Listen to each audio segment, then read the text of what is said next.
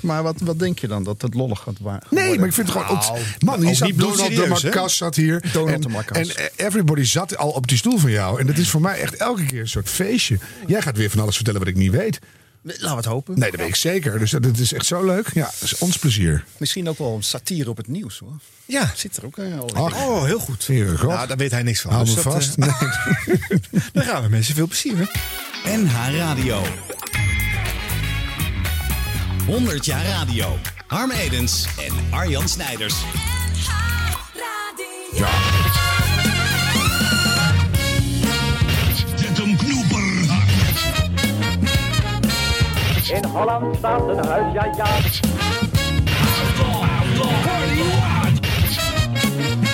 in deze onverenigbare toestand. Wat een verrukkelijke plaats. En het gejuich is opgeklonken voor Jan Jansen. Juist. Joost mag het weten. Nou, Hey Arjen. Hi. Hi. Hoe is het? Ja, goed. Ja, Ja. dat zeg je natuurlijk altijd. Maar Ja. de vorige keer was je een beetje eh, moe van, van druk, hè? Heel druk, Ja. maar nu gelukkig eh, nog drukker. Ja. Dus dan op een gegeven moment kom je over zo'n punt en dat je denkt... nee, dit is gewoon een soort eh, vakantieuitje. Ja. Even lekker podcasten. Nou, zo is het ook. Ja. En we mogen weer lekker de diepte in. We gaan weer graven in archieven ver weg dit keer. Nou. Want we gaan de naoorlogse historie van de, de radio behandelen.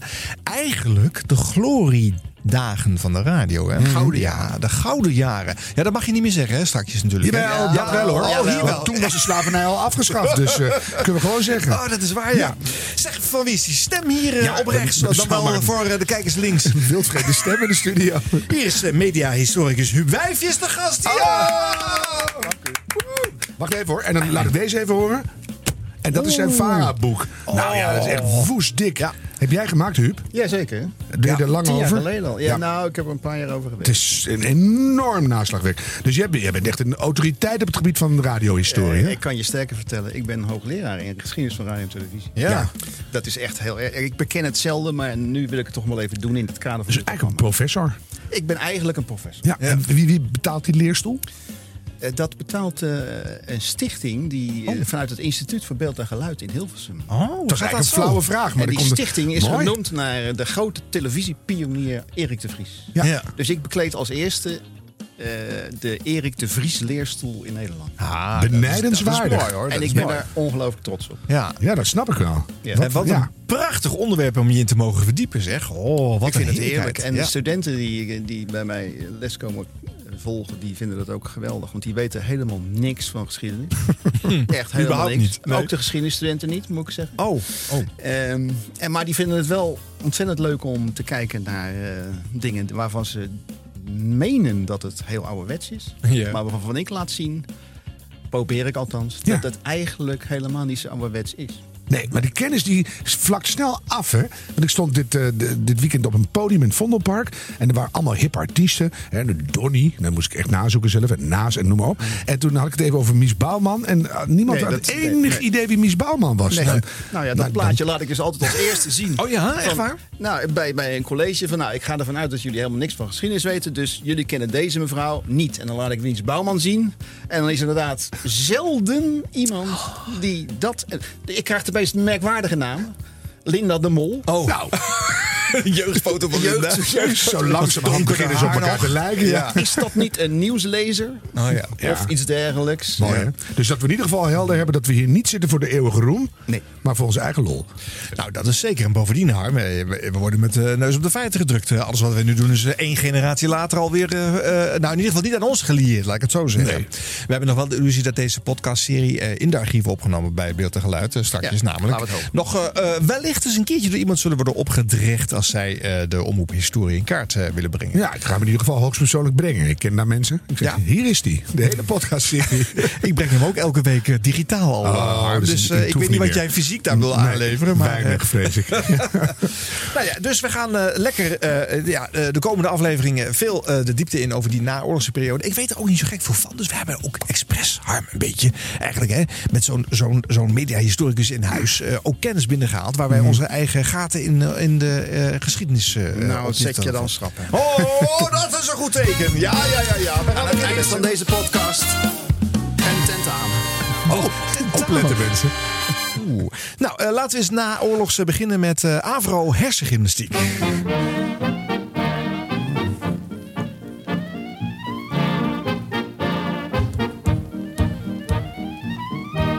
Huub, jij kan vast vertellen wat dat eh, behelsde, dat programma. Dat is een spelletje. Ja. En dat is trouwens niet een naoorlogs. Ja, het is naoorlogs, maar het is al in 1938 begonnen. Oh ja. Dus het was ook voor de oorlog al te horen. Ja. Zeker. En het is zelfs een tijdje lang het langst uitgezonden continue programma ter wereld geweest. Sinds het- 38 tot 1992. Ja. Ja. Aha. ja, want er is een versie geweest waar eh, Hans Schiffers, geloof ik, en Aldert Hunker bij betrokken waren. En dat, eh, ja, dat is een andere periode. Echt een andere... eh, Andere hersenen. Maar dat, dat, spel, hersenen. dat spel bleef kennelijk lang nog Ja, maar dat te verkopen is, aan de weet je, mensen. Dat is altijd mijn, mijn, mijn theorie. Want daar zit meer continuïteit in wat mensen leuk vinden dan menig een veronderstelt. ja. Dus het radiospelletje, dat is nu een televisiespelletje geworden. Dus lingo en zo. Ja, ja, en ja. 2 voor 12 en per seconde wijze. Nou, dat zijn al, die hebben een vaste basis van kijkers. En dit programma, dit, dat was gebaseerd op weetjes. Hè, wie is de president van de Verenigde Staten en wie was zijn tante? Ja, het ligt aan het jaar natuurlijk. Ja. Op dit moment zou ik het wel weten. Maar ja, ja, dat, ja, dan moet je een antwoord geven. Dan zeg je de verkeerde president. Ja. En dat was een spannende strijd tussen twee teams. En aangevuurd door een keurig sprekende presentator. Dat was dan eh, Bob Wallach of Jan Boots. Mhm. Of eh, Jan van Herpen. Die was helemaal netjes in zijn uitspraak. Die eh, haal je er altijd zo uit. Nou ja, in ieder geval, het was gebaseerd, het was gebaseerd op eh, kennis. Ja. Hè, van weetjes en zo. En dat, dat vinden mensen altijd leuk. Ja. Om te laten zien wat ze niet weten. Pubquiz, zou je het kunnen noemen Ja. tegenwoordig. ja, precies. Ja. Pubquiz, maar dan het in de grappige is altijd, ik weet niet hoe jij dat ziet, Ruud, maar dan zit je thuis mee te eh, per seconde wijzigen. En, zo, en dan de oh ja kennis, die is fijn, want die haal je dan even op. Maar al die andere kennis, denk je, oh, dat weet ik dan nu. Nou, een dag later weet je het dan niet meer. Dus- vergeten. waar. Ja, dat is waar. Dus Dat blijft is niet hangen, maar dat vind ik heel frustrerend maar je wil het vooral demonstreren ten opzichte van eh, de, je familie of je kennissen. En, die- Ja. en dat was ook het programma. Hè. Er waren eh, familieteams of kennissenteams. Die twee teams van... eh, en dan komt nu de familie Mulder uit eh, Oosterwijk tegen de vriendenkring. en dan komt er iets uit, uit, uit Twente. Ja. En die gingen dan tegen elkaar dus die vraagjes beantwoorden. En nou, dat was allemaal keurig netjes voor elkaar bij de AVO. Want dat was zeer ge, ge, gesoigneerd en beschaafd. Ja. En, en die, eh, die telling dat het van 38 tot en met 92 gelopen zou hebben, zijn dan de oorlogsjaren waarin het niet is uitgezonden, eh, die eventjes weggemoffeld, zeg maar? Want ja, Ja, met goede, zo'n goede vraag. zo'n Dat is- onderbreking dit- erin. Dit is een man die kennis heeft. Want inderdaad, het is door de oorlogsjaren onderbroken geweest. Dus er zat een breuk in. En daardoor geldde het uiteindelijk niet, of gold het uiteindelijk niet als een continue reeks. Nee. Maar het aantal jaren uitgezonden, toch opgeteld, heeft een tijdje dan. eh, Het is inmiddels ingehaald door allerlei andere programma's. Hm. Door? Vooral, vooral van de BBC, ik weet niet precies helemaal. Oké.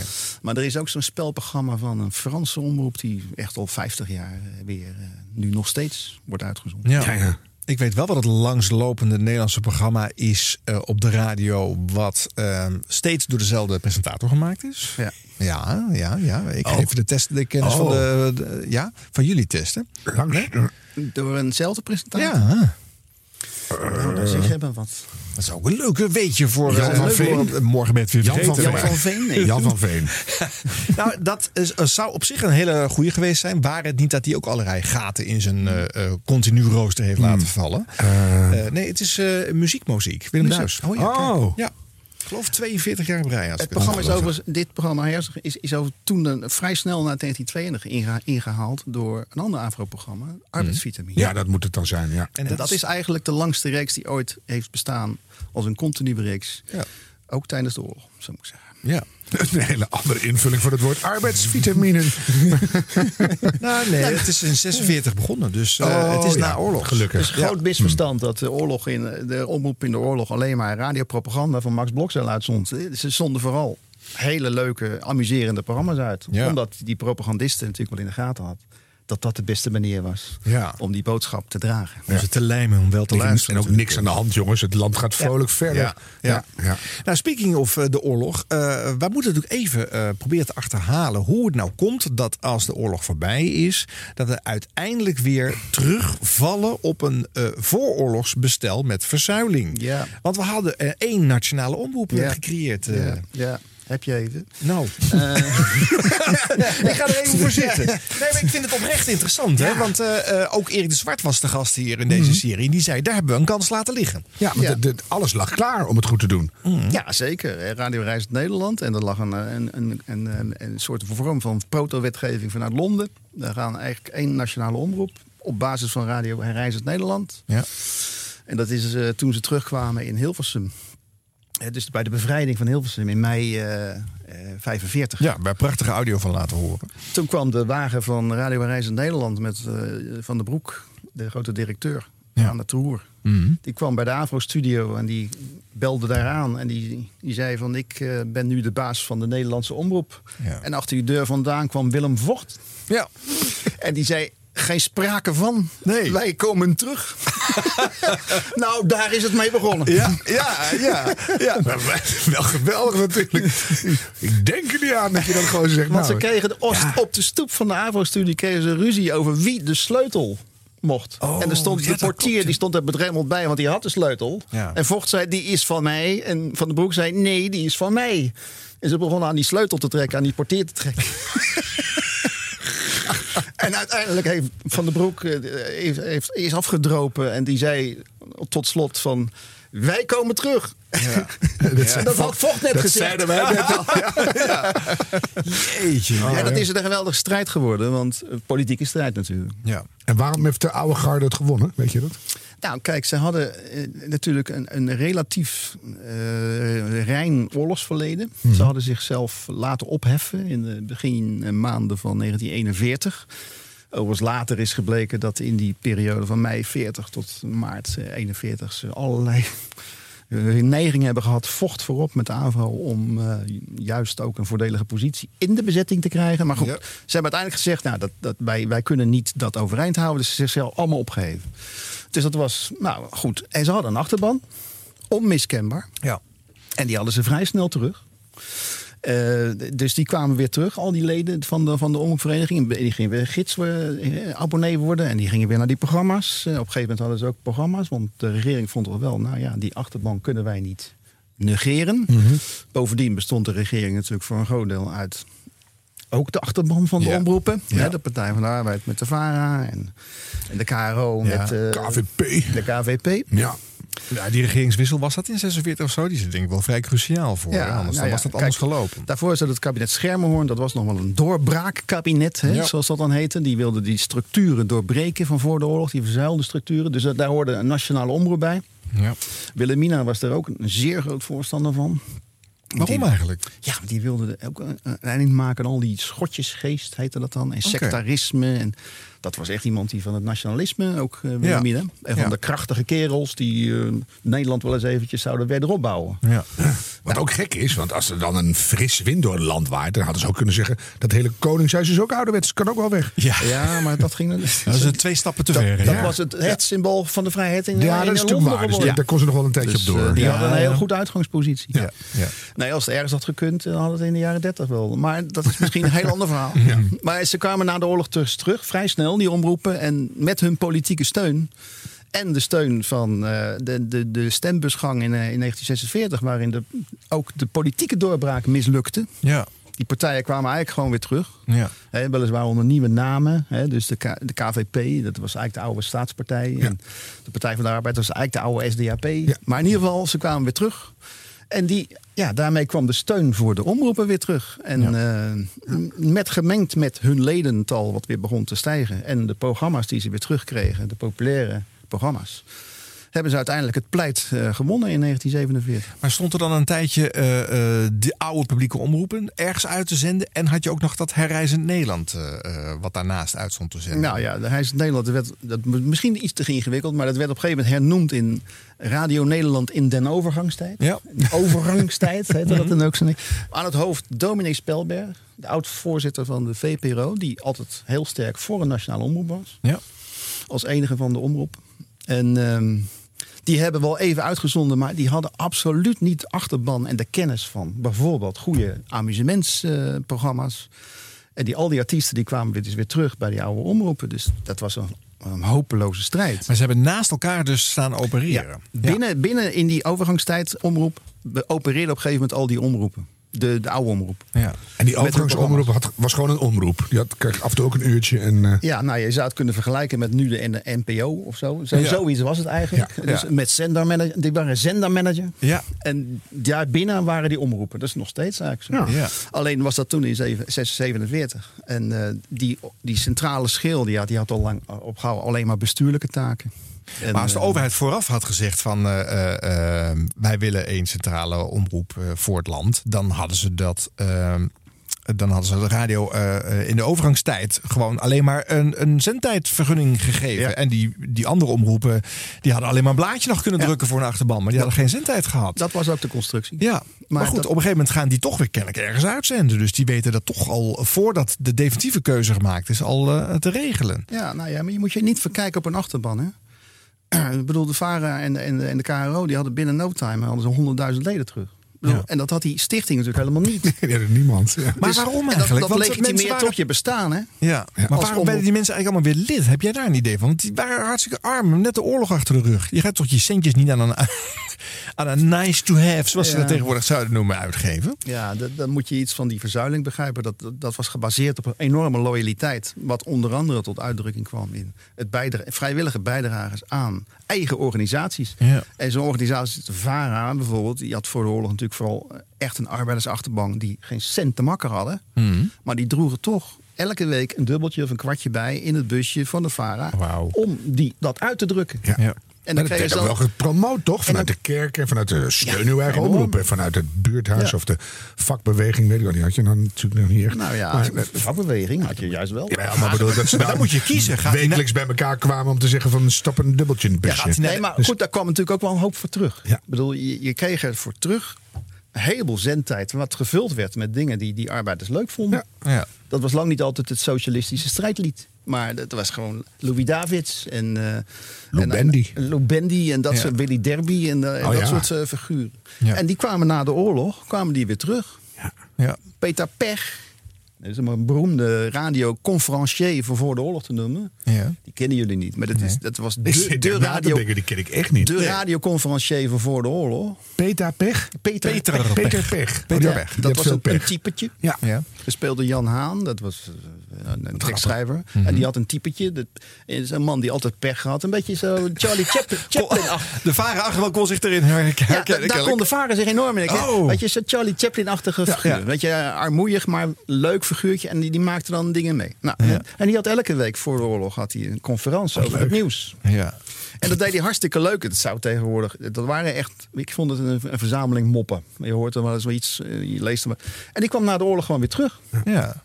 En die, die ging weer voor de VARA optreden. Nou, en binnen no time stond die. Dat was ook met publiek in de zaal. Kwam die zaal er helemaal weer vol. Dit is ongelooflijk. Want ja, dat, dan zie je dus dat zo'n omroep. die wordt gedragen door zowel zo'n politiek eh, sentiment. als door loyaliteit aan die Ja. artiesten. Maar ik snap het ook wel, na vijf van die hopeloze jaren.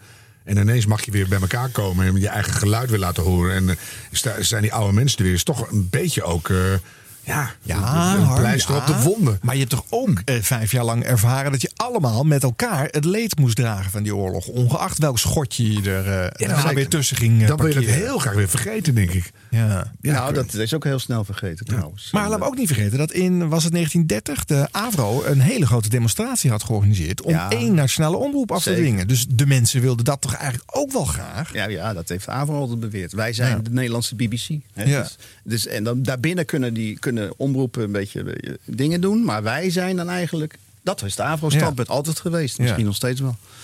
Eh, Nou, niet meer. Dat, dat wilden ze na de oorlog ook. Maar dat kon Vocht absoluut niet waarmaken. Nee. In het geheel niet.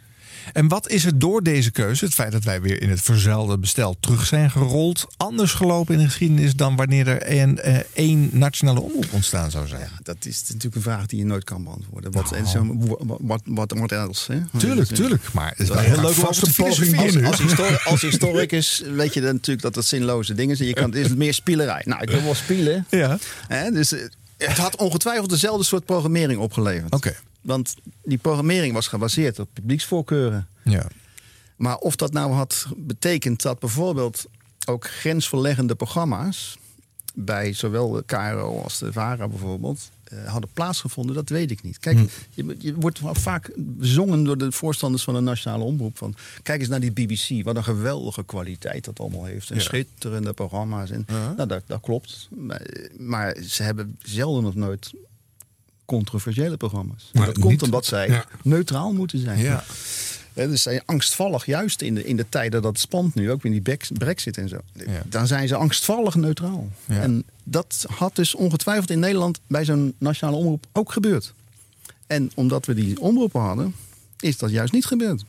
Maar wat wij ook hadden door de verzuiling was een bovenmatige focus op eh, eh, inhoud voor de achterban, zeg maar. Hè? Dus we hadden ook gewoon heel veel meer eh, zendingsgedreven uitzendingen en minder amusement dan menig andere land om ons heen. Ja, dat is beperkt eh, houdbaar, die stelling. Oké, Ja. nou schoffel me eens onderuit. eh.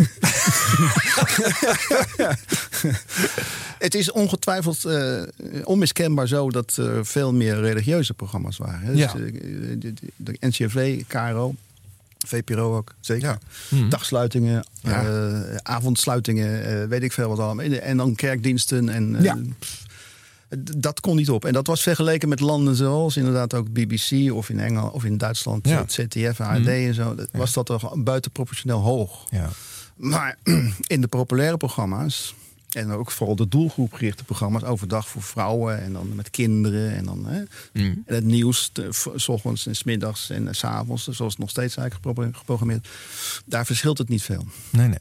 Oké. En in de amusementsprogramma's is het echt eh, pff, behoorlijk eh, scorend. Hè? Ja, de Nederlandse publieke omroep in die jaren. Ja. ja. Ja, Onvoorstelbare luistercijfers werden gehaald. Ja, en eh, werd dat gemeten dan? Want dat hoor ik ook wel eens vaker. Van er luisteren zoveel mensen. Maar ja, de methodiek van het eh, luisteronderzoek werd natuurlijk pas later eh toegepast. Ja, nou, die, kijk, dat, dat hangt met die verzuiling. samen. Als je, als je weet wat je achterban is, wat die, Ja. al die omroepen claimden, dan Ja. heb je geen luistercijfers nodig. Iedereen luistert. Wi- Wist jij, Harm, dat er in Nederland ruim 17 miljoen mensen luisteren naar onze podcast 100 jaar radio, Harm? Ja, want wij weten precies wat de mensen willen. Ja. Dus eh, 100 jaar radio. Harm Edens en Arjan Snijders. Een mooi voorbeeld is dan het, het mandement van de katholieken in 1954. Hè? Ik weet niet of dat, eh, Nee, dat dat niet is- of bekend is. In ieder geval, de bisschoppen roepen dan op via de kansel en de preekstoelen en overal. eh, o- de, roepen de katholieken op om niet naar lid te worden van de Socialistische Vakbond, niet de Partij van de Arbeid te stemmen en niet naar de VARA te luisteren. Oh ja. Nou, dat wordt altijd gezien als een soort eh, de- vorm van bevoogding van die van de, de Nou. wereldvreemde bisschoppen. Ja. Maar die bisschoppen die wisten verdomd goed dat driekwart van de katholieken luisterde gewoon de VARA. Ja. Dat, is gewoon, dat schreven ze eigenlijk gewoon hiermee uit. dat, Oh, ja. ja. en ze wisten ook verdomd goed dat dat niet tegen te gaan was. Alleen maar met bijvoorbeeld KRO, die dus eh, ook eh, leuke programma's moest gaan brengen. ja. ja. Nou, dat hebben ze bijvoorbeeld de, de KRO met 9 uit de klok. Zie je hier eh, dat, dat je daar ook fragmenten van hebt. Ja. Dat is het grote showprogramma van de KRO geworden in de jaren eh, 50. Ja. En dat was eigenlijk een soort tegenbod tegen al die grote programma's van de AVRO. Hè, die had de, de nog Ja, steeds eh, ja. rijden tot aan eh, eind jaren 50. Ja. En op een gegeven moment kreeg je bij de VARA geweldige in- interessante showprogramma's. Zoals de Showboat bijvoorbeeld. Ja, ja. ja. Ja.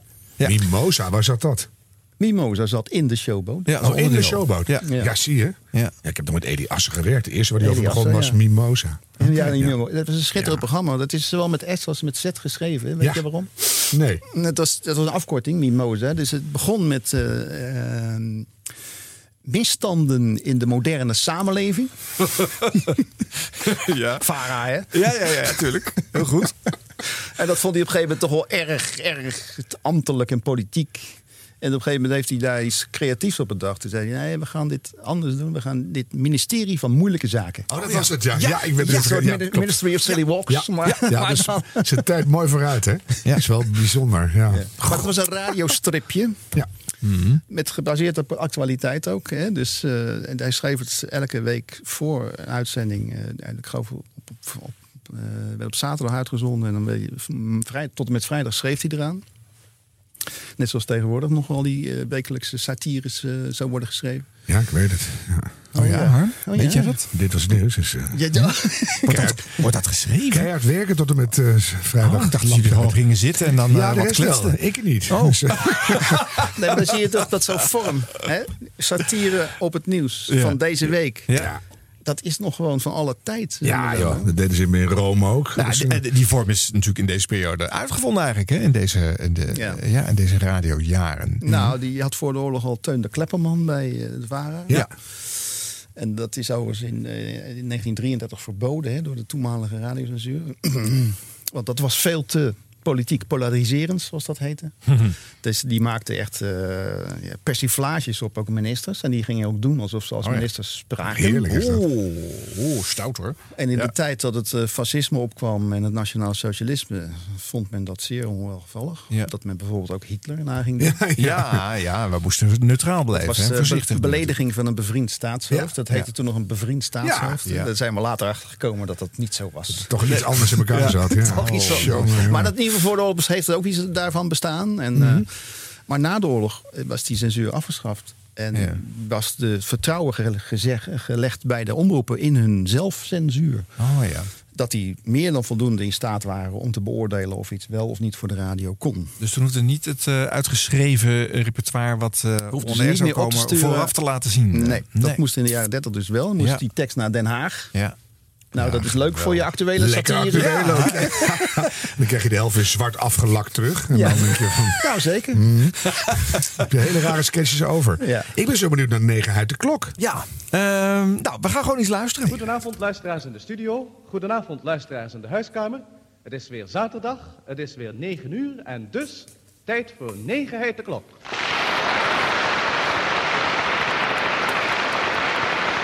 Forse zaal, hè? Zeker. klok heet de negen. Negen heet de klok. De klok heet negen. Negen heet de klok. Beetje voorspelbaar. Ik had het de eerste keer ook wel gehoord. Maar Ah, het showorkest. De Caro Boys. Tijd voor negen heet de klok. Alexander Pola kan je Wordt horen. negen slagen op alle zaterdagen. Tijd voor negen heet de klok. In heel ons land is negen heet de klok. We gaan vanavond treinen, maar u hoeft niet bang te zijn. Onze KR-olietrein rijdt dwars door alle seinen. 1, 2, 3, 4, 5, 6, 7, 8, 9 heet de klok. Jan de Cler. Tandarts te Haarlem. Die schreef die teksten. mee te nemen, koffie om mee te nemen, thee, limonade, sigaren, sigaretten, peperpruim, tabak. Lectuur, avondbladen, ochtendbladen, middagbladen en kranten. Sneltrein voor de richting 9 uit de klok. Allemaal instappen.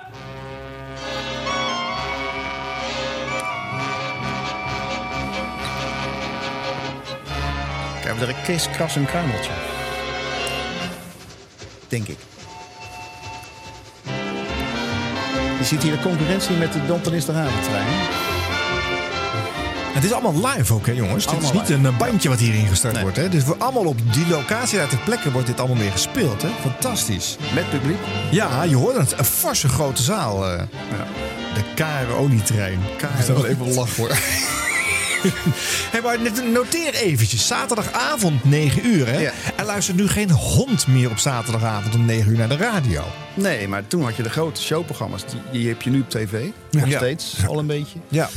Hoewel de echt grote showprogramma's op tv ook wel zijn beste tijd hebben gehad. Zeker. Hè? Dus die Ja. honeymoon quiz en dat soort dingen. Maar Ja. in ieder geval, je hebt nog wel... eh, zaterdagavond is de, de avond van het grote familieamusement. Heel lang geweest. En dat was toen voor de radio. Ja. Dus daar zetten die omroepen de, de meeste geld op in. En dan lag het eraan. Wie mag op zaterdagavond uitzenden? Nou ja, dat was niet aan de omroep. Hè? Dat werd eh, beslist. Dat werd opgelegd. kijk, en de Eh, KRO en De toestanden. hè? KRO had eh, zendtijd op Hilversum 1 en de VARA op Hilversum 2. Ja. Ja. Dus Maar die zaten even- met elkaar in de concurrentie. Ja. Je voelt wel, los van de, de licht oudbollige, omdat het natuurlijk oud is. Maar je, je, de sfeer en zo'n Ja. orkest en, en zo'n applaus. En je zit er wel meteen helemaal in. Ik kan me voorstellen dat je daar met een heel gezin, gezellig met nou, chips, was er ook niet aan. Was er ook niet bij natuurlijk. Maar iets gezellig, een, ba- een bakje chocomel. Ja. En een, eh, nou ja, wel, eh, een en al sfeer. Ja. En er zat dan zo'n spelletje ook in. Ja. Eh, Dat is een totaalprogramma, hè? Een, totaal, een totaalprogramma. Duurde Ja. van 9 of, of 8 geloof ik tot 10, half 11 Ja. in die buurt. Mhm. En daar zat dus dit in, muziek. En er zat dat grote showorkest. En zangers en zangeressen die kwamen ingevlogen. En dan een, spelletje.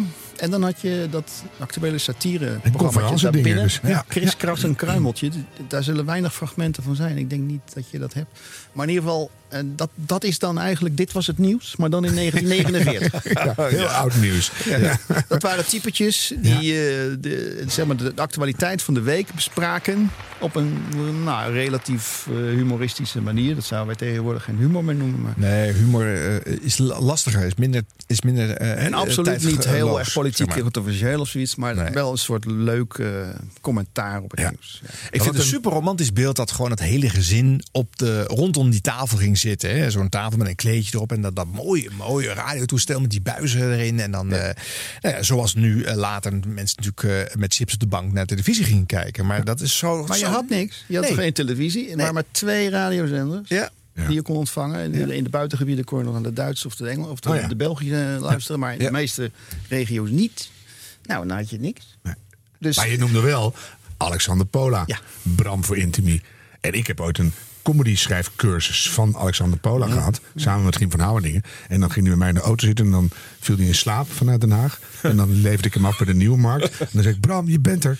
En dan zei hij nog iets semi-grappigs. En dan, Ja. dan was hij al heel oud. Maar die was hier al bij. dit was, Ja. dit was zijn, zijn, basis van zijn latere eh, activiteit op het gebied van comedy schrijven. Ja, maar dan leer je wel het vak echt Zeker. tot in je haarvaten. En hij was een geweldig duo met die Jan de Cler. Dat is een vaak vergeten persoon. Dat, ja, die, maar die maakte er echt iets van. En beroemd is natuurlijk geworden zijn, zijn gedichten in, tijdens de rust van interlandwedstrijden. Maar op zaterdagavond wel nog als interlandwedstrijd. Voetbal. Ja. En daar, eh, daar maakte men ook verslagen van. eh, Met flitsen. Die kwamen in de uitzending. Oh. En dan tijdens de pauze maak, had Jan de Cler al een gedicht klaar. Een sonnet. Met nou, de eerste helft. Ja, Is zo'n netvorm In sonnetvorm. Oh. En dat had hij dus helemaal geschreven, ook eh, tijdens de, de, de eerste helft. En na de afloop van de wedstrijd had hij de tweede helft ook al klaar. Ja, wauw.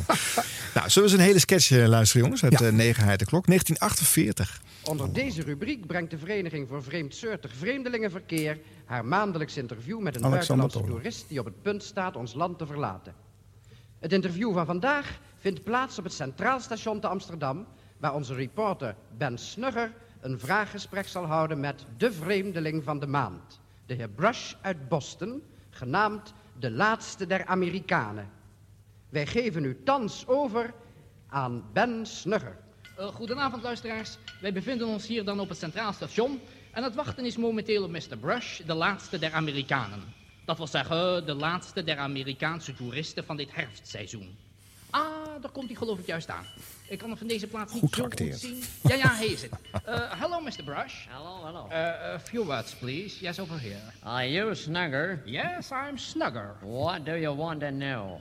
Uh, if you don't mind, Mr. Brush, will you please tell us something about your impressions of Holland during your holidays? Je reporter vraagt me luisteraars of ik enkele indrukken wil geven van mijn vakantie hier in Holland. But, Mr. Brush, are you a Dutchman? In Holland ben ik geboren, ja. En mijn jeugd heb ik hier ook doorgebracht. Oh, luisteraars, ik verneem zojuist van Mr. Brush dat hij in zijn jeugd in Holland geboren is. Uh, and Mr. Brush, how did you find Holland back? Nou vraagt hij me weer luisteraars hoe ik Holland terugvond.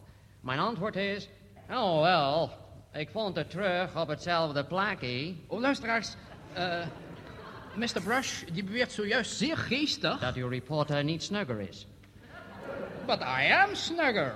The Snugger from the VVVVV. Nou, ik weet niet of het u opgevallen is, maar ik spreek Hollands. Oh, luisteraars, de heer Brush vertelt me juist dat hij niet alleen in Holland geboren is, maar dat hij ook nog Hollands spreekt. Grappig, hè, luisteraar. Hm. That's indeed very funny, Mr. Brush.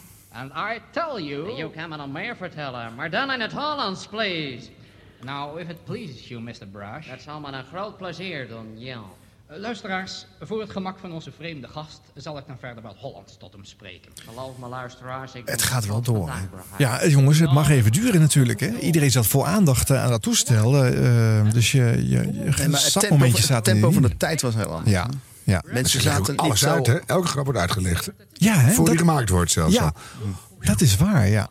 En ook die vertalingen, maar misschien ook wel omdat een, een relevant deel van de luisteraars de Engelse taal niet machtig is hoor. Dan moet je dat eh, eh, vertalen. Maar we beginnen daar niet aan, want het is een sketch. Hè? Ja, ja. Het is een sketch, ja. Ja.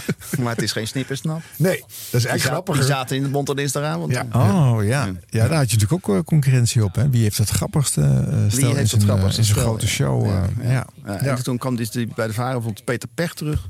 En dat bleek echt helemaal buiten de tijd te staan. Oh, Dat was toch ouderwets geworden. Ouderwets geworden. En, Oh. en toen zat de, de Varen te bedenken wat dan een godsnaam tegenover eh, al dat geweld van die anderen moest gaan staan in Ja. humor en zo. ja. Dat wisten ze eigenlijk niet. En, eh, toen kwam Wim Ibo, Mhm. de welbekende Wim Ibo, de Ja. cabaretkenner. ja.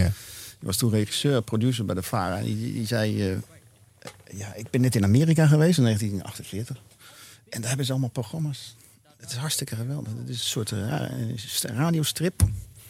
En jullie zitten nog steeds met Peter Pech en met Oma Keesje bijvoorbeeld in zo'n radiostrip. Dat was ook wel was erg gedateerd. En eh, jullie moeten gewoon een moderne tekst maken met leuke types.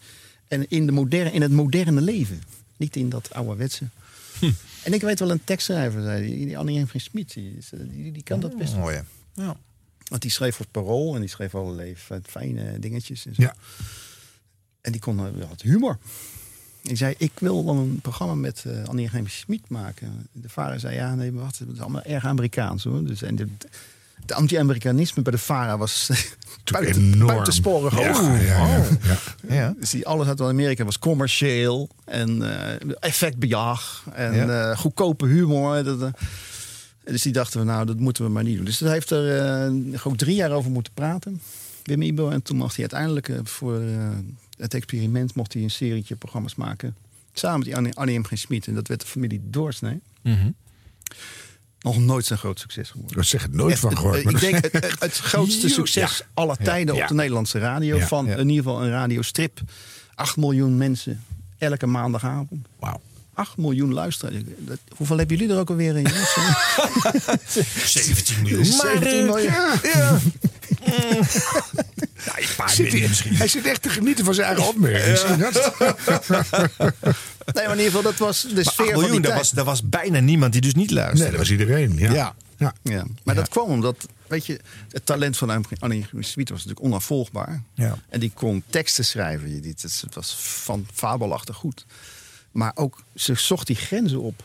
En dat vonden die Het luisteraars was echt Oh, ja, brutaal. dat- ja. Dat ja. Dat heeft monumentale ruzies met de varenleiding opgeleverd. Over woordgebruik in de familie Doorsnee. Ja. Vooral ook over vloeken en zo. Dat, bij de varen was inmiddels afgeleerd om dat te programmeren. Hoewel ze dat toen ze begonnen in de jaren twintig. Ja. Dat was arbeideristisch, weet je wel. Ja. Ja. Maar het woord God, oh God, oh God. Ja. Wat, wat, wat een weer, weet je wel. Dat, Nou dat, dat, dat was al een soort belediging van de christenen. Dus Dat is lang zo gebleven. Ja. Toen wij in de jaren tachtig bij de NCV eh, iets op de radio. En, eh, dan kreeg je hele lijsten. Oh jee, was niet de Ja, bedoeling. oh jee. En eh, allemaal dat soort dingen. Dat kon allemaal toen in de jaren tachtig nog niet. Ja, Dus- nou ja, dus dat Annie, die correspondeerde zich helemaal ziek met die varenleiding. Van Ja. God, oh God, oh God, mag niet. Dus eh, oh jee, want een slecht weer mocht ook niet. Want dat bleek jee, dat is te staan voor Jezus. Ja. Ja. Nou, Ja.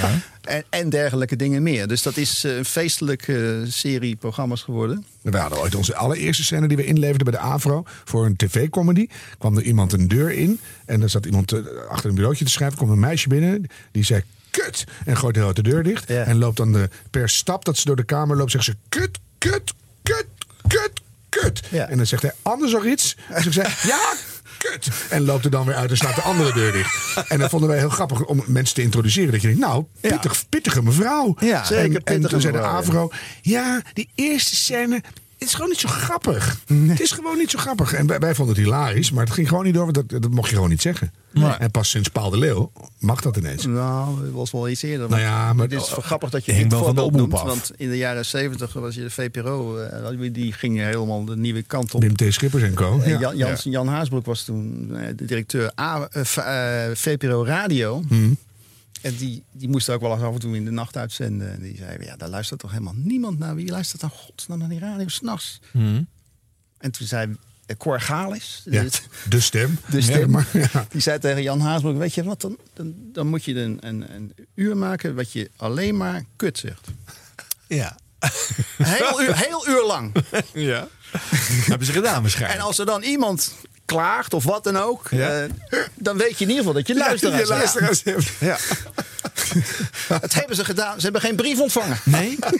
Echt alleen maar een uur lang. Een uur lang. Ja, dat heeft hij daarna is hij dat blijven doen, hè? Ja. Want het was bij ons echt, dan was het weer godverdomme, dit is de VPRO. Ja. En dan zag je mijn moeder naar de transistorradio op de ijskast rennen en de radio uitslaan. Ja. Vond ze verschrikkelijk. Dus, Maar eh, terug naar die jaren 50. Toen ging, ging dat dus niet. Nee, ging dat dus niet. Nee. En ook het woord, wat, wat vreselijk, Dat mocht niet Oh geworden. ja? ja. Oh. Hè, er was dus een scène, dat speelde in een huis. Hè. In Holland staat een huis. Dat was Ja. het, de, de herkenningstune ook. Mhm. In Holland staat een huis. En dan waren de typetjes in. Het is eigenlijk een soort, eh, hoe zeg je dat? ehm, eh, kinderen geen bezwaar. En zo. ja. Oh, ja. gewoon een fa- family comedy. Family comedy. Met allemaal eh, moeder, vader, eh, dochter, zoon, eh, aanverwante vrienden, kennis en allemaal. Ja. Nou, speelde in een huis en dan hè, de, vader, de moeder gooide dan uit, uit ergernis met die kat. Eh gooide ze een pantoffel ernaar. Ja, pokkerkat gaat toch een keertje buiten. Ja. Pokkerkat, dat was dus een verboden woord. Oh. Ja. Maar toch mensen die de pok hadden gehad. Ja, ja, is- zo is het altijd. Ziektes in een krachtterm, hè? Altijd randje, randje. Nou, ja, ja, ja. Maar toch, ondanks het feit dat dat woordgebruik eh, door de varenleiding werd eh, tegengehouden, Mhm. daar kon ze weinig aan doen.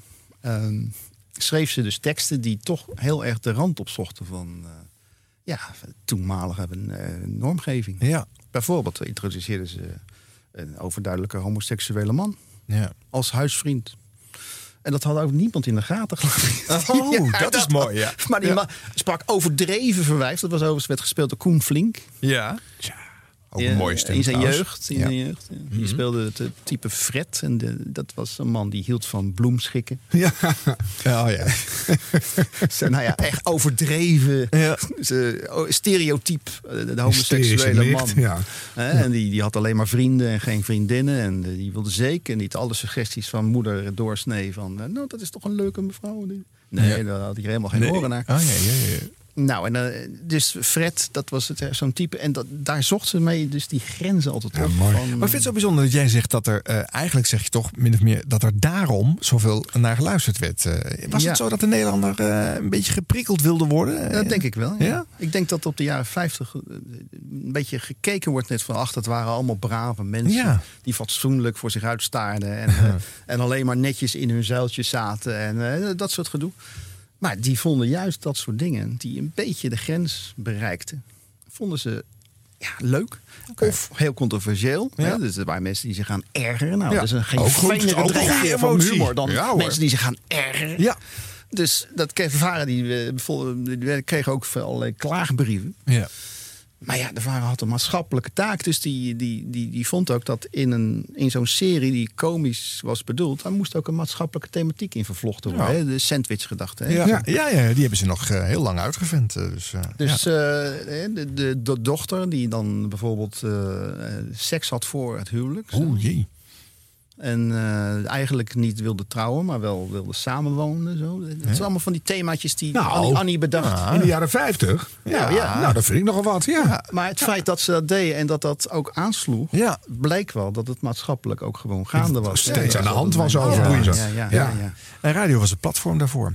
Nou, eens wat luisteren van eh, familie Doorsnee. Nee, Willem, ga jij nou op je vrije dag niet afstoffen? Laat mij nou even gaan, jij bent ziek. Ziek? Ik ben helemaal niet ziek. Ik heb alleen nog zo nou en dan een scheut. Blok. Het is geloof ik al over. Nee, laat mij nou dat wit opmaken. En ik waarschuw je, jij gaat vandaag niet naar beneden, begrepen? Ik weet al precies wat er gaat gebeuren. Jij moet de hele dag open doen als er gebeld wordt. Koken, de vaten wassen, boodschappen doen. Thee en koffie inschenken voor de visite. En zij exploiteren je maar. En vanavond ben jij een gebroken mens. Ik mankeer niks. Het is alweer over. Ik heb mevrouw toch niet op de verjaardag zelf laten pezen de hele dag. Ik ga nou niet afwassen, Willem. Als jij je hele leven voor vreemde mensen blijft ploeten. Als jij je hele leven de rommel blijft opruimen in een andermans huis. Nou goed, dan zal ik ons eigen huis wel in orde houden hoor. Dat is nou zo gemeen van je, hè? Je kent maar niet verkroppen dat ik blijf werken bij de familie, hè? Nee, en zeker niet als je spit hebt. Ik Bien heb Dobbelsteen. ja. Avant la lettre. Ja. Ik wil er ook nooit eens een keer rekening mee houden als jij niet goed bent. Ze zullen nooit eens een keer zeggen, Sjaan, meid, laat jij nou maar eens even rustig zitten vandaag, hoor. Nee, exploiteer hem maar, exploiteer hem maar. Fout, wat is dat fout? Wij zou altijd zo aardig zijn. En mevrouw die de hele dag zegt, Sjan, ga nou maar weer aan je eigen boeltje en laat mij nou maar verder. Willem, dat is een lelijke karaktertrek van je. Je bent altijd bang voor exploiteren. Je bent net als je moeder was. Altijd erg wanig, altijd van trouwen. Je zal mijn moeder er toch hopelijk wel buiten laten, hè? Want dat neemt het niet, begrijp je wel? Nou, maar Willem... Geen woord meer! Kijk. De knoet erover. Ja. en dit is de Sjaantje, de huishoudster van de familie Doorsnee. Ja. Dus, eh, je speelt echt in het huis van de familie. En dat is een stereotyp beeld. Hè? Dus het, en dit vond Ja. Varen interessant. Weet Ja. je? Dat zo iemand, eh, de, de man van Sjaantje, een ik beetje opstandig. Ik had het niet moeten zeggen van je moeder. Willem, het En voor de dat sociale rechtvaardigheid. En Nou tegen ja, de bazen. Zo? Ja. Dat, eh, Ja. dat, is, dat zat in die boodschap zat er dan in. En dat vonden ze dan prima. Spijt mij ook dat, dat ik zo, eh, zo uitgevallen ben tegen je. Ja, ik zal heel gauw opschieten beneden. Dan gaan we bij jou boven komen. Dan gaan we vanmiddag gezellig samen de stad in. Gezellig samen de we stad in. bioscoop gaan vanavond? Ja. En lekker met Willem naar de film. Net als vroeger toen we verloofd waren. Weet je wat? Dan gaan we naar eh Blanke Slavin in het oerwoud. Daar wij er zo graag naartoe. In de krant staat de mooiste film van uw leven. Haat, wraak, moord. Zeg, zullen we daar gezellig heen gaan? Sjaan. Met Willem naar de film. Dat is, er komt een liedje, dat heet zo. Is een enorme hit geworden. We hadden een hele 1954. tijd geen ruzie gehad. En dan komt het zo in één, hè? net als spit. Het schiet er zo ineens in, hè? Zouden er echtgenoten zijn waar nooit iets is? Die nooit geen ruzie samen maken in de trouwen. Oh ja, die zijn er. Maar dan is er ook wat mis. Dan zijn het geen mensen meer, dan zijn het kabeljauwen. Want heel je leven roze geur en maneschijn. Dat moet toch eigenlijk wel om te spugen zijn. Ruzie is verkeerd, we weten het wel, maar het is zo fijn om het weer goed te maken. Veertien dagen vriendelijk en dan ineens een rel, ja dat zijn toch onvermijdelijke zaken. En we weten dat we van elkaar houden, daarom mogen we zo af en toe besnauwen. Ik denk ene aan mijn zwager en mijn zus. Die hebben drie jaar lang niet met elkaar gesproken. En die chauffeur dan, kom hoe heet die, van de bus? Die slaat zijn vrouw op zaterdag met hete poken. Nou ja, bij ons is het ook niet altijd koek en ei. Maar al die stormen gaan gelukkig gauw voorbij. Ruzie is verkeerd, we weten het wel. Maar het is zo fijn om het weer af te zoenen. Veertien dagen tortelen en dan een reuze rel. Daarna sta je weer wat vaster in je schoenen. Krijg geen kwaad om zo eens af en toe te snauwen. Want we weten dat we van elkaar houden. Want we weten dat we van elkaar houden. Ja. Dit is niet met de film met Willem, hè, de, de- Nee. maar een ander liedje. Dus, Maar wat een goed liedje weer, hè? ja, dit is Annie Gesmied. Die Ja, maar wel je, je- maken. ik, ik ken heel veel van Annie M. maar dit, dit net niet. Maar je voelt, de kwaliteit druipt eraf. Druipt Ja. eraf, Het, eh, Dat, dat, het tweede refrein is toch weer anders. Ja. En om het goed te maken is weer Ja. af te zoenen. Het is Ja. zo goed. Het is echt prachtig. Achterloos, hè? Voor één keer op de radio. Denk je dan? Maar ja, goed, 8 miljoen mensen, dan is het natuurlijk niet achterloos. Nee, maar, en, eh, eh, en als je het eenmaal kan, dan kan je het ook. Ja. Weet je, maar dat loopt zo goed. Het is heel rijk. En, en altijd die accenten. Is of Amsterdams of Gronings. Ja, later ja. bij juist Amsterdamse volksvrouw. Ja. Ja. Ja. Die deed het altijd goed. Hè? Ja. ja. En op maandagavond. Hè? Dus, Op maandagavond, Ja, niet ja. op zaterdagavond. Nee. Maar Op maandagavond, half acht. ja. Dan bleef Nederland echt letterlijk voor thuis. Hè? 8 Ja. miljoen luisteraars. Stil op straat, hè? Stil op straat. Ja. Ja. ja, dat vind ik ook zo mooi. Ook minder inbraken hè, op dat soort uren. Dat is allemaal bekend. Ja, Ja. dat vind ik echt, eh, nogal loos. En iedereen was thuis. Ja. Dus Dan ben je nogal dom als je dan inbreekt. ja, juist. Tenzij dat enige zin kende dat nog steeds geen radio kon Ja, die bekostigen. werden en bij steeds- de elke week werden die leeg gehaald. maar daar was er waarschijnlijk ook niks te halen. Nee, Nee, maar de radiostrip, weet je, die doet het goed. En de- die traditie die hebben ze later voortgezet op televisie. Met Zeg eens A. bijvoorbeeld. zeker, Kinderen ja. geen bezwaar. En al die andere series met Modern familie- Family. Ja. En hoe, jij als uh, comedy schrijver, Harm, hoe luister jij hier naar? Wat, eh, Nou, of het, of het me pakt. Ja. En ik luister altijd op drie manieren of zo. Ah, Gewoon als, als zoveel mogelijk als gewone consument. Nou, je, je wordt er meteen ingezogen. En eh, nou, of, of het grap technisch eh, hoog genoeg is. Nou, dan- je ziet dat het ze echt met die principes werkt. Om de zoveel zinnen moet er een grap staan. En die werken nu nog. Ja. Dus het is, of je nou hilarisch Beter dan bij dat wat we net. Ja. Het is geen vergelijking. Ook veel beter geacteerd trouwens. Veel hoor. Beter. Veel natureller. En dan hoe rijk het is. Het is echt heel knap gemaakt. Ja. Ja, prachtig. Ja, heel mooi. Er werd al even koek en ei geroepen in het fragment net. Koek en Ja. ei heb je ook geroepen. Nou ja, eh, dat, dat, is, ook even dat doen. is de titel van een andere serie door Eliasse geschreven. Ja. Ook even luisteren. Ja. Verplaatsen nu weer naar het huis van Albert de Koning ergens in Nederland. Aan de ontbijttafel wordt het gesprek gaande gehouden door Albert de Koning zelf, door Jo zijn vrouw, door opa Bobby zijn vader Concurrentie, en opa Roelspruit Precies hetzelfde doen. Ja. En zoals altijd is het ook nu weer koek en ei. En koek en ei. Ja, goedemorgen zeg. Goedemorgen, morgen, morgen. Morgen. Wel, wel, wel, kijk eens aan. Ko van Dijk. Een fikse snede tarwe op een bord. Fijn hoor. Dat heeft mijn Jonkemijn gedaan. Zorgzaam, ja ja, liefderijk. Hmm. Aardige attentie, nietwaar? Het mannetje komt beneden. En wat ziet hij? Daar heeft het vrouwtje alreeds een fikse snede tarwe op zijn brood gelegd. Dat zullen we dan eens belonen, flux en wel, met een warme ochtendkus. Pak aan, Jo. Gekkie. en het molle is dat ik die snee helemaal niet op je bordje heb gelegd. Oh nee, wie dan? Bah. Ja. Oh. Dus eigenlijk heeft Pa die ochtendkus verdiend. Help!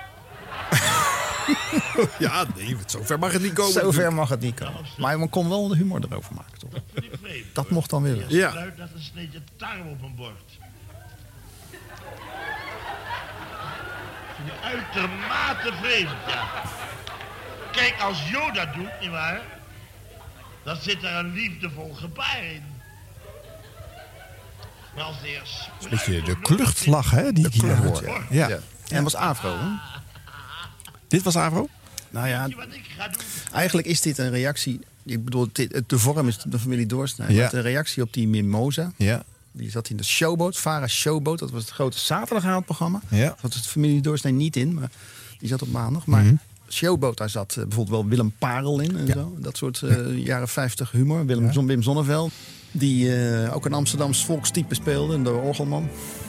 Eh, en daar zat eh, nou ja, eh, Kees de Lange in met zijn cabaret uit die tijd. En Ja. dan grote showprogramma's met muziek eh, van de, de Ramblers. Ja. Ja. Dansorkest van Theo de Masman. Als een koek en ei, hè, dan, dan hoor je heel erg dat er is live publiek. En weet jij hoe ze dat opnamen? Stonden ze dan met de tekst in de hand dat voor te dragen? Of, of hadden ze het helemaal uit hun hoofd geleerd en werd het, eigenlijk was het een soort toneelstuk waar je naar keek? Nou, eh, of ze dat precies allemaal voorlazen, dat, dat, aan sommige acteurs hoef je dat niet te vragen, want die worden daar heel zenuwachtig van. Die willen dat uit hun hoofd leren. Maar het, was, het principe was live voor een publiek met radiomicrofoons. Dat is gewoon In- een in hoorspel studio. eigenlijk. In een hoorspel, Ja. maar dan voor een publiek om het effect te hebben. Dus het afwassen was ook gewoon een tijl met rommel, was Ja. nou, ging schudden. Dat Zeker. was, En dat was was geen ook- decor. Er werd ook min of meer in geacteerd. Ja. En dat, dat was gewoon omdat die acteurs daar gewoon feedback van het publiek kregen. Ja, daar daar werd ga het leuker van. Ja, maar je merkt op dat het publiek spelen Ze ook, hè? lachen ook om dingen die je thuis Ja. niet hoort. Nee, dus dan, dat is wel grappig. Ja. Maar de- het grootste deel werd toch gelezen van papier. Dat vond Mhm. het publiek helemaal niet erg. Nee. Die, die vonden gewoon dat allemaal leuk. Ja. Eh, en teksten werden geschreven door Eliasse. En die had in eerste instantie dus Mimosa geschreven voor de Showboat. En ehm, dat was zo'n populair programma. En de, VARA en de AVRO die had eigenlijk geen populair programma meer... behalve de dinsdagavondtrein Ja. met Snip en Snap. En dat was dus op dinsdagavond. Maar die, ja, dat was echt wel de beste tijd gehad. Dat vinden wij ook wel nu nog een beetje oudbollig worden. Ja. En toen hebben ze, dat is geruchtmakend geworden, want het is het eerste grote transfer geweest in de omroepwereld van eh, programma's, Mhm. inclusief degenen die het hadden geschreven en gemaakt en geproduceerd, naar een andere omroep. Die Ja. werden weggekocht. Ja. Dus Karel Prior, die het produ- programma produceerde met al die artiesten en tekstschrijvers en zo, een hele stal, die, had, die kocht de, de Avro in 1956, 57, kocht die weg voor een hoger salaris. Ja. Schande En, werd eh, daarover gesproken. En daar werd schande. En, Ja. Maar er moest natuurlijk wel al omgenaamd worden. Want eh, Ja. die kon niet dezelfde naam. Dus Nee. dan werd het eh, koek en ei in plaats van eh, mimosa. Ja. Eh, en dat programma dat was doorslaand succes. Ja. En de VARA zat toen met grote problemen, want die hadden ineens alles. Niks meer. Ja. Niks meer, ja. Ja, ze allemaal weggekocht zijn. Ja. En die begonnen dus een grote campagne via het Vrije Volk, een, een krant, een grote socialistische krant. Die toen overigens de, de hoogste oplage van Nederland had, 400.000 abonnees. Oh ja. Kijk. En die begonnen een grote campagne tegen de AVRO en tegen Karel Prior. Oh. Dat dat allemaal toch zeer tegen de socialistische gedachte was. En, eh, dat allemaal voor het grote geld en commerciële overwegingen en, eh, noem maar op. Hè. De hele reutemeteut werd Ja. ervan leeggehaald. Ja. Nou, daar heeft Karel Prier zich nooit veel van aangetrokken. Nee, dat hoort zei, er dan heb, ook bij. Ik heb de hele weg naar de bank heb ik gehuild. Heel goed. Jongens, ik laat die tune nog even schoon horen. Want ik vind dat namelijk prachtig. Ja, ik vind het ook heel mooi opgenomen. En ik vind eh, eh, de zangstijl van ja, dat kan je niet meer nadoen. Hè. Soms probeert men dat nu. Maar ga je dat sto staan zingen voor een microfoon uit die tijd. En toch klinkt het niet meer zoals het in de jaren 50 klonk.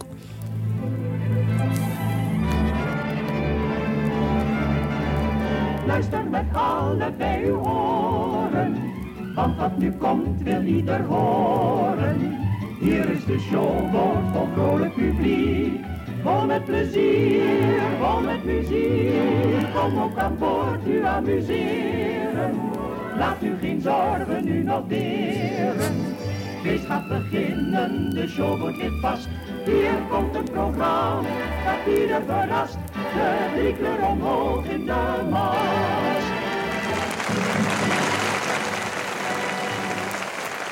Ja, Geweldig. vind ik stiekem wel de mooiste tune van eh, al deze. Je komt toch heerlijk in de stemming. Ja, ja, dat wel. Ja. En een licht simplistisch rijmschema.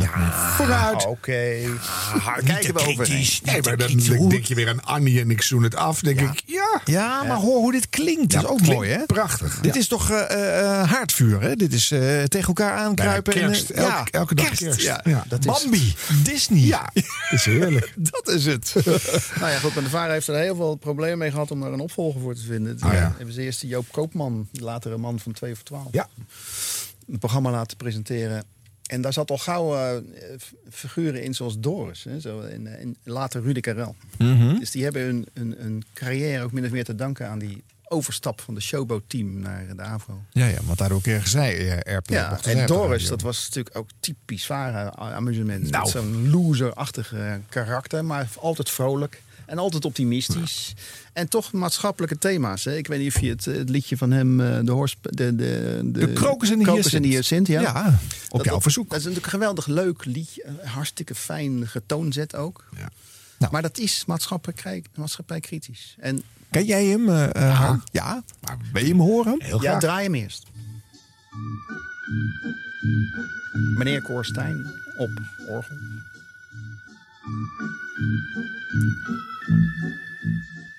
Een gele krokus en een witte hyacint stonden te vrijen op een plekje uit de wind.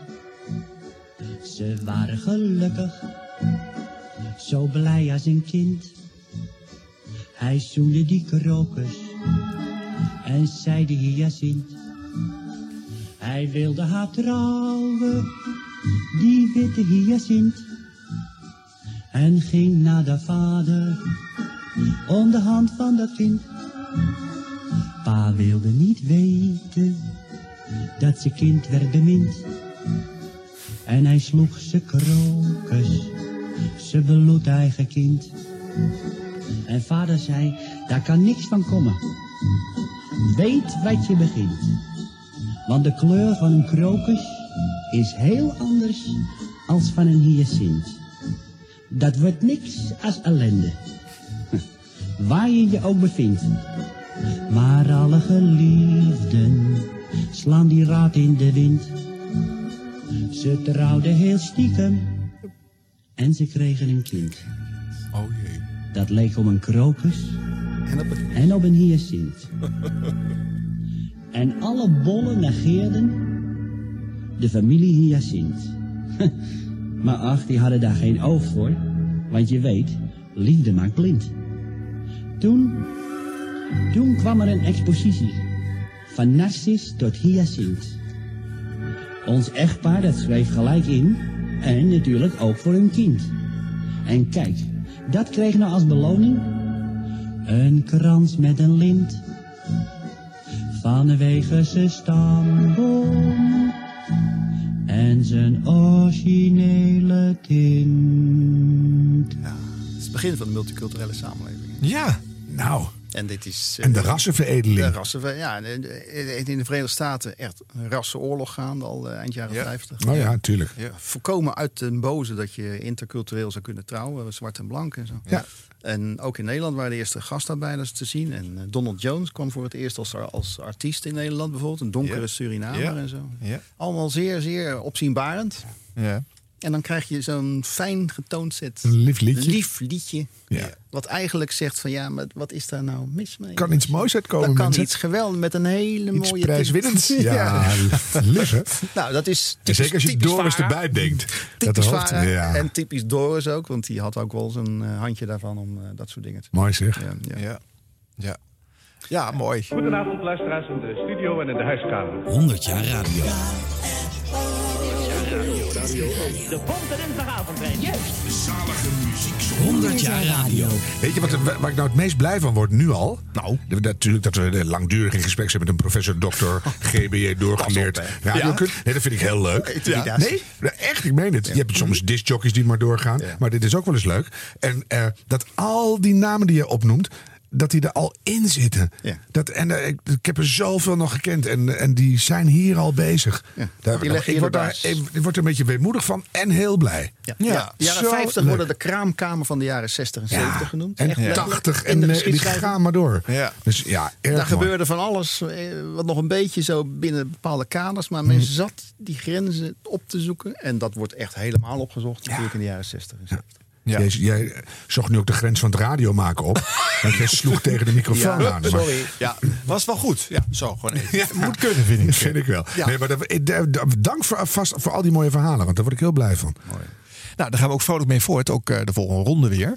Ehm, tot slot van deze, Willem Parel. Willem Parel. Ja, eh, moet dat nog even ingeleid worden? Of spreekt dat voor zich als je het hoort? Nou ja, je zei het natuurlijk net al een beetje, Wim Sonneveld. Ja, Ja. die eigenlijk helemaal geen eh, vriend was van de gedachte.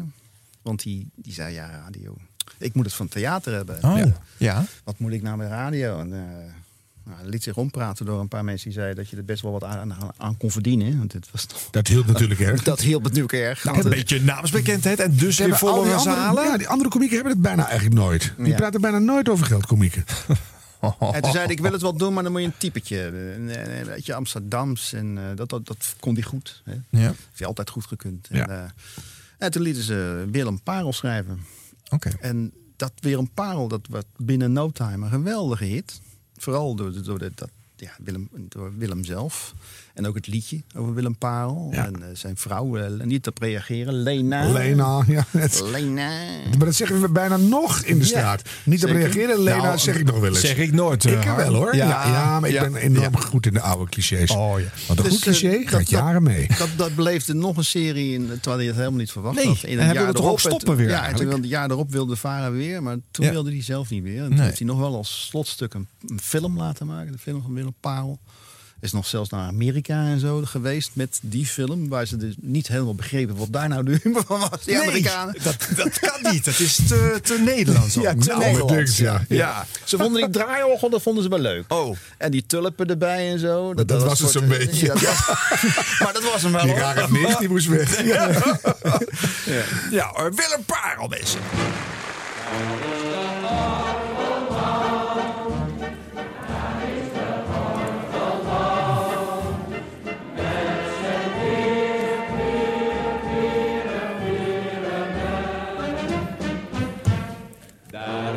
Is ook weer zo'n woord, pyramid. Dat moeten toch houden, dat woord?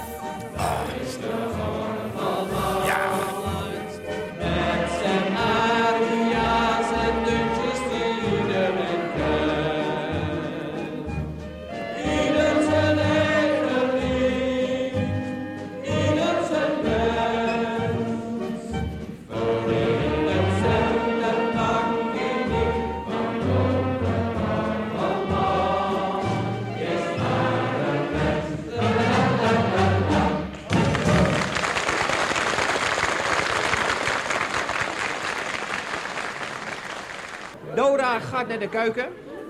Ze komt terug met een hete kajakgrok. Opdrinken, Willem. En ik heb hem in één keer leeg. Bij de derde grok kijk ik in mijn glas. En wat zit erin? Wat zit er in dat glas? Een rups. Een levendige rups. Op zijn gemak in de kijak. Ik zeg verrek.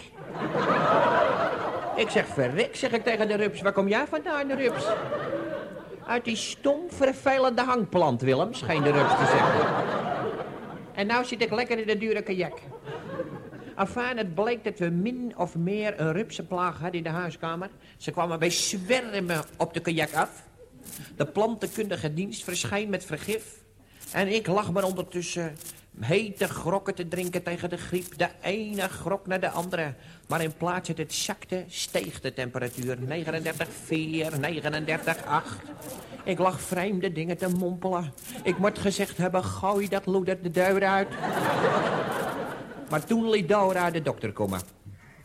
Dokter, zegt Dora, het wordt ziender ogen minder met Willem. Hij eilt. Wil u hem even nakijken? Afhaar, de dokter pakt mijn pols. Hij legt een ijskoude hand op mijn blote rug. Hij laat me nog erger zuchten dan ik al deed. En hij zegt, slecht nieuws, Dora. Je man is dronken.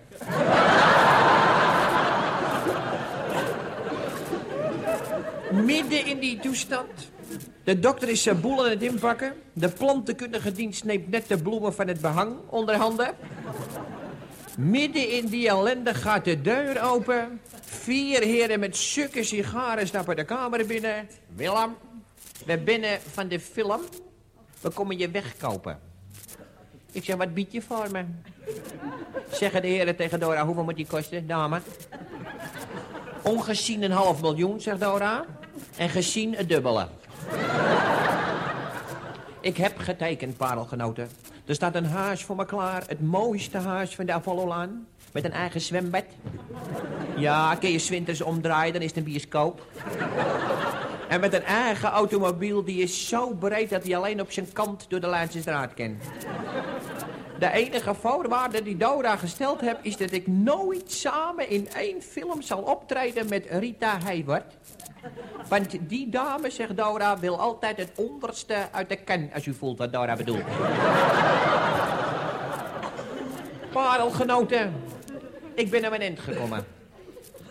Mijn eind als leider van het Nederlands Parelgenootschap, het NPG.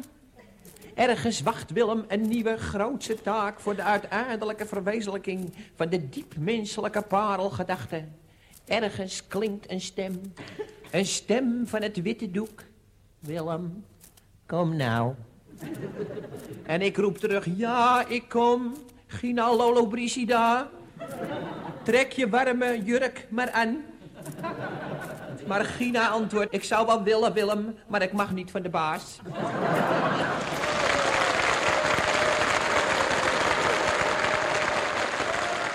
Ehm, nu tijd eh, eh, voor een geïmproviseerd colofon. Eh, kan je dat, denk je, Harm? Als je die namen niet bij de hand hebt. Ja, dat kunnen wij zeker. Ga het proberen.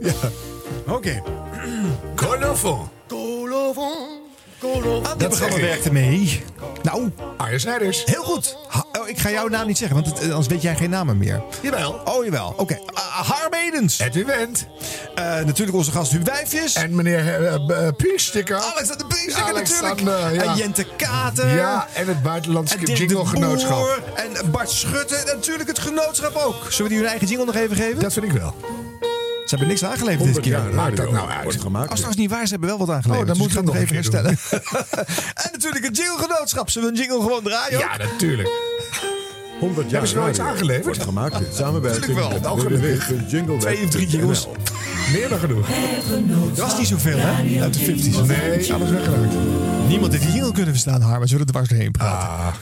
Ontregelende radio, dat kan eigenlijk niet, hè? hou dat, dat toch weer op. Nee, we moeten veel strakker zijn. Snappen de En die mensen niet flauwe meer. grapjes moet ook maar slagen. Ja, gewoon recht toe. eh, Informatie, harde informatie. en we hebben ook geen platen gedraaid. Houden mensen helemaal niet vol. Nee, Al die inhoud. er is heel veel gepraat. Volgende keer weer? Ja, laat maar doen.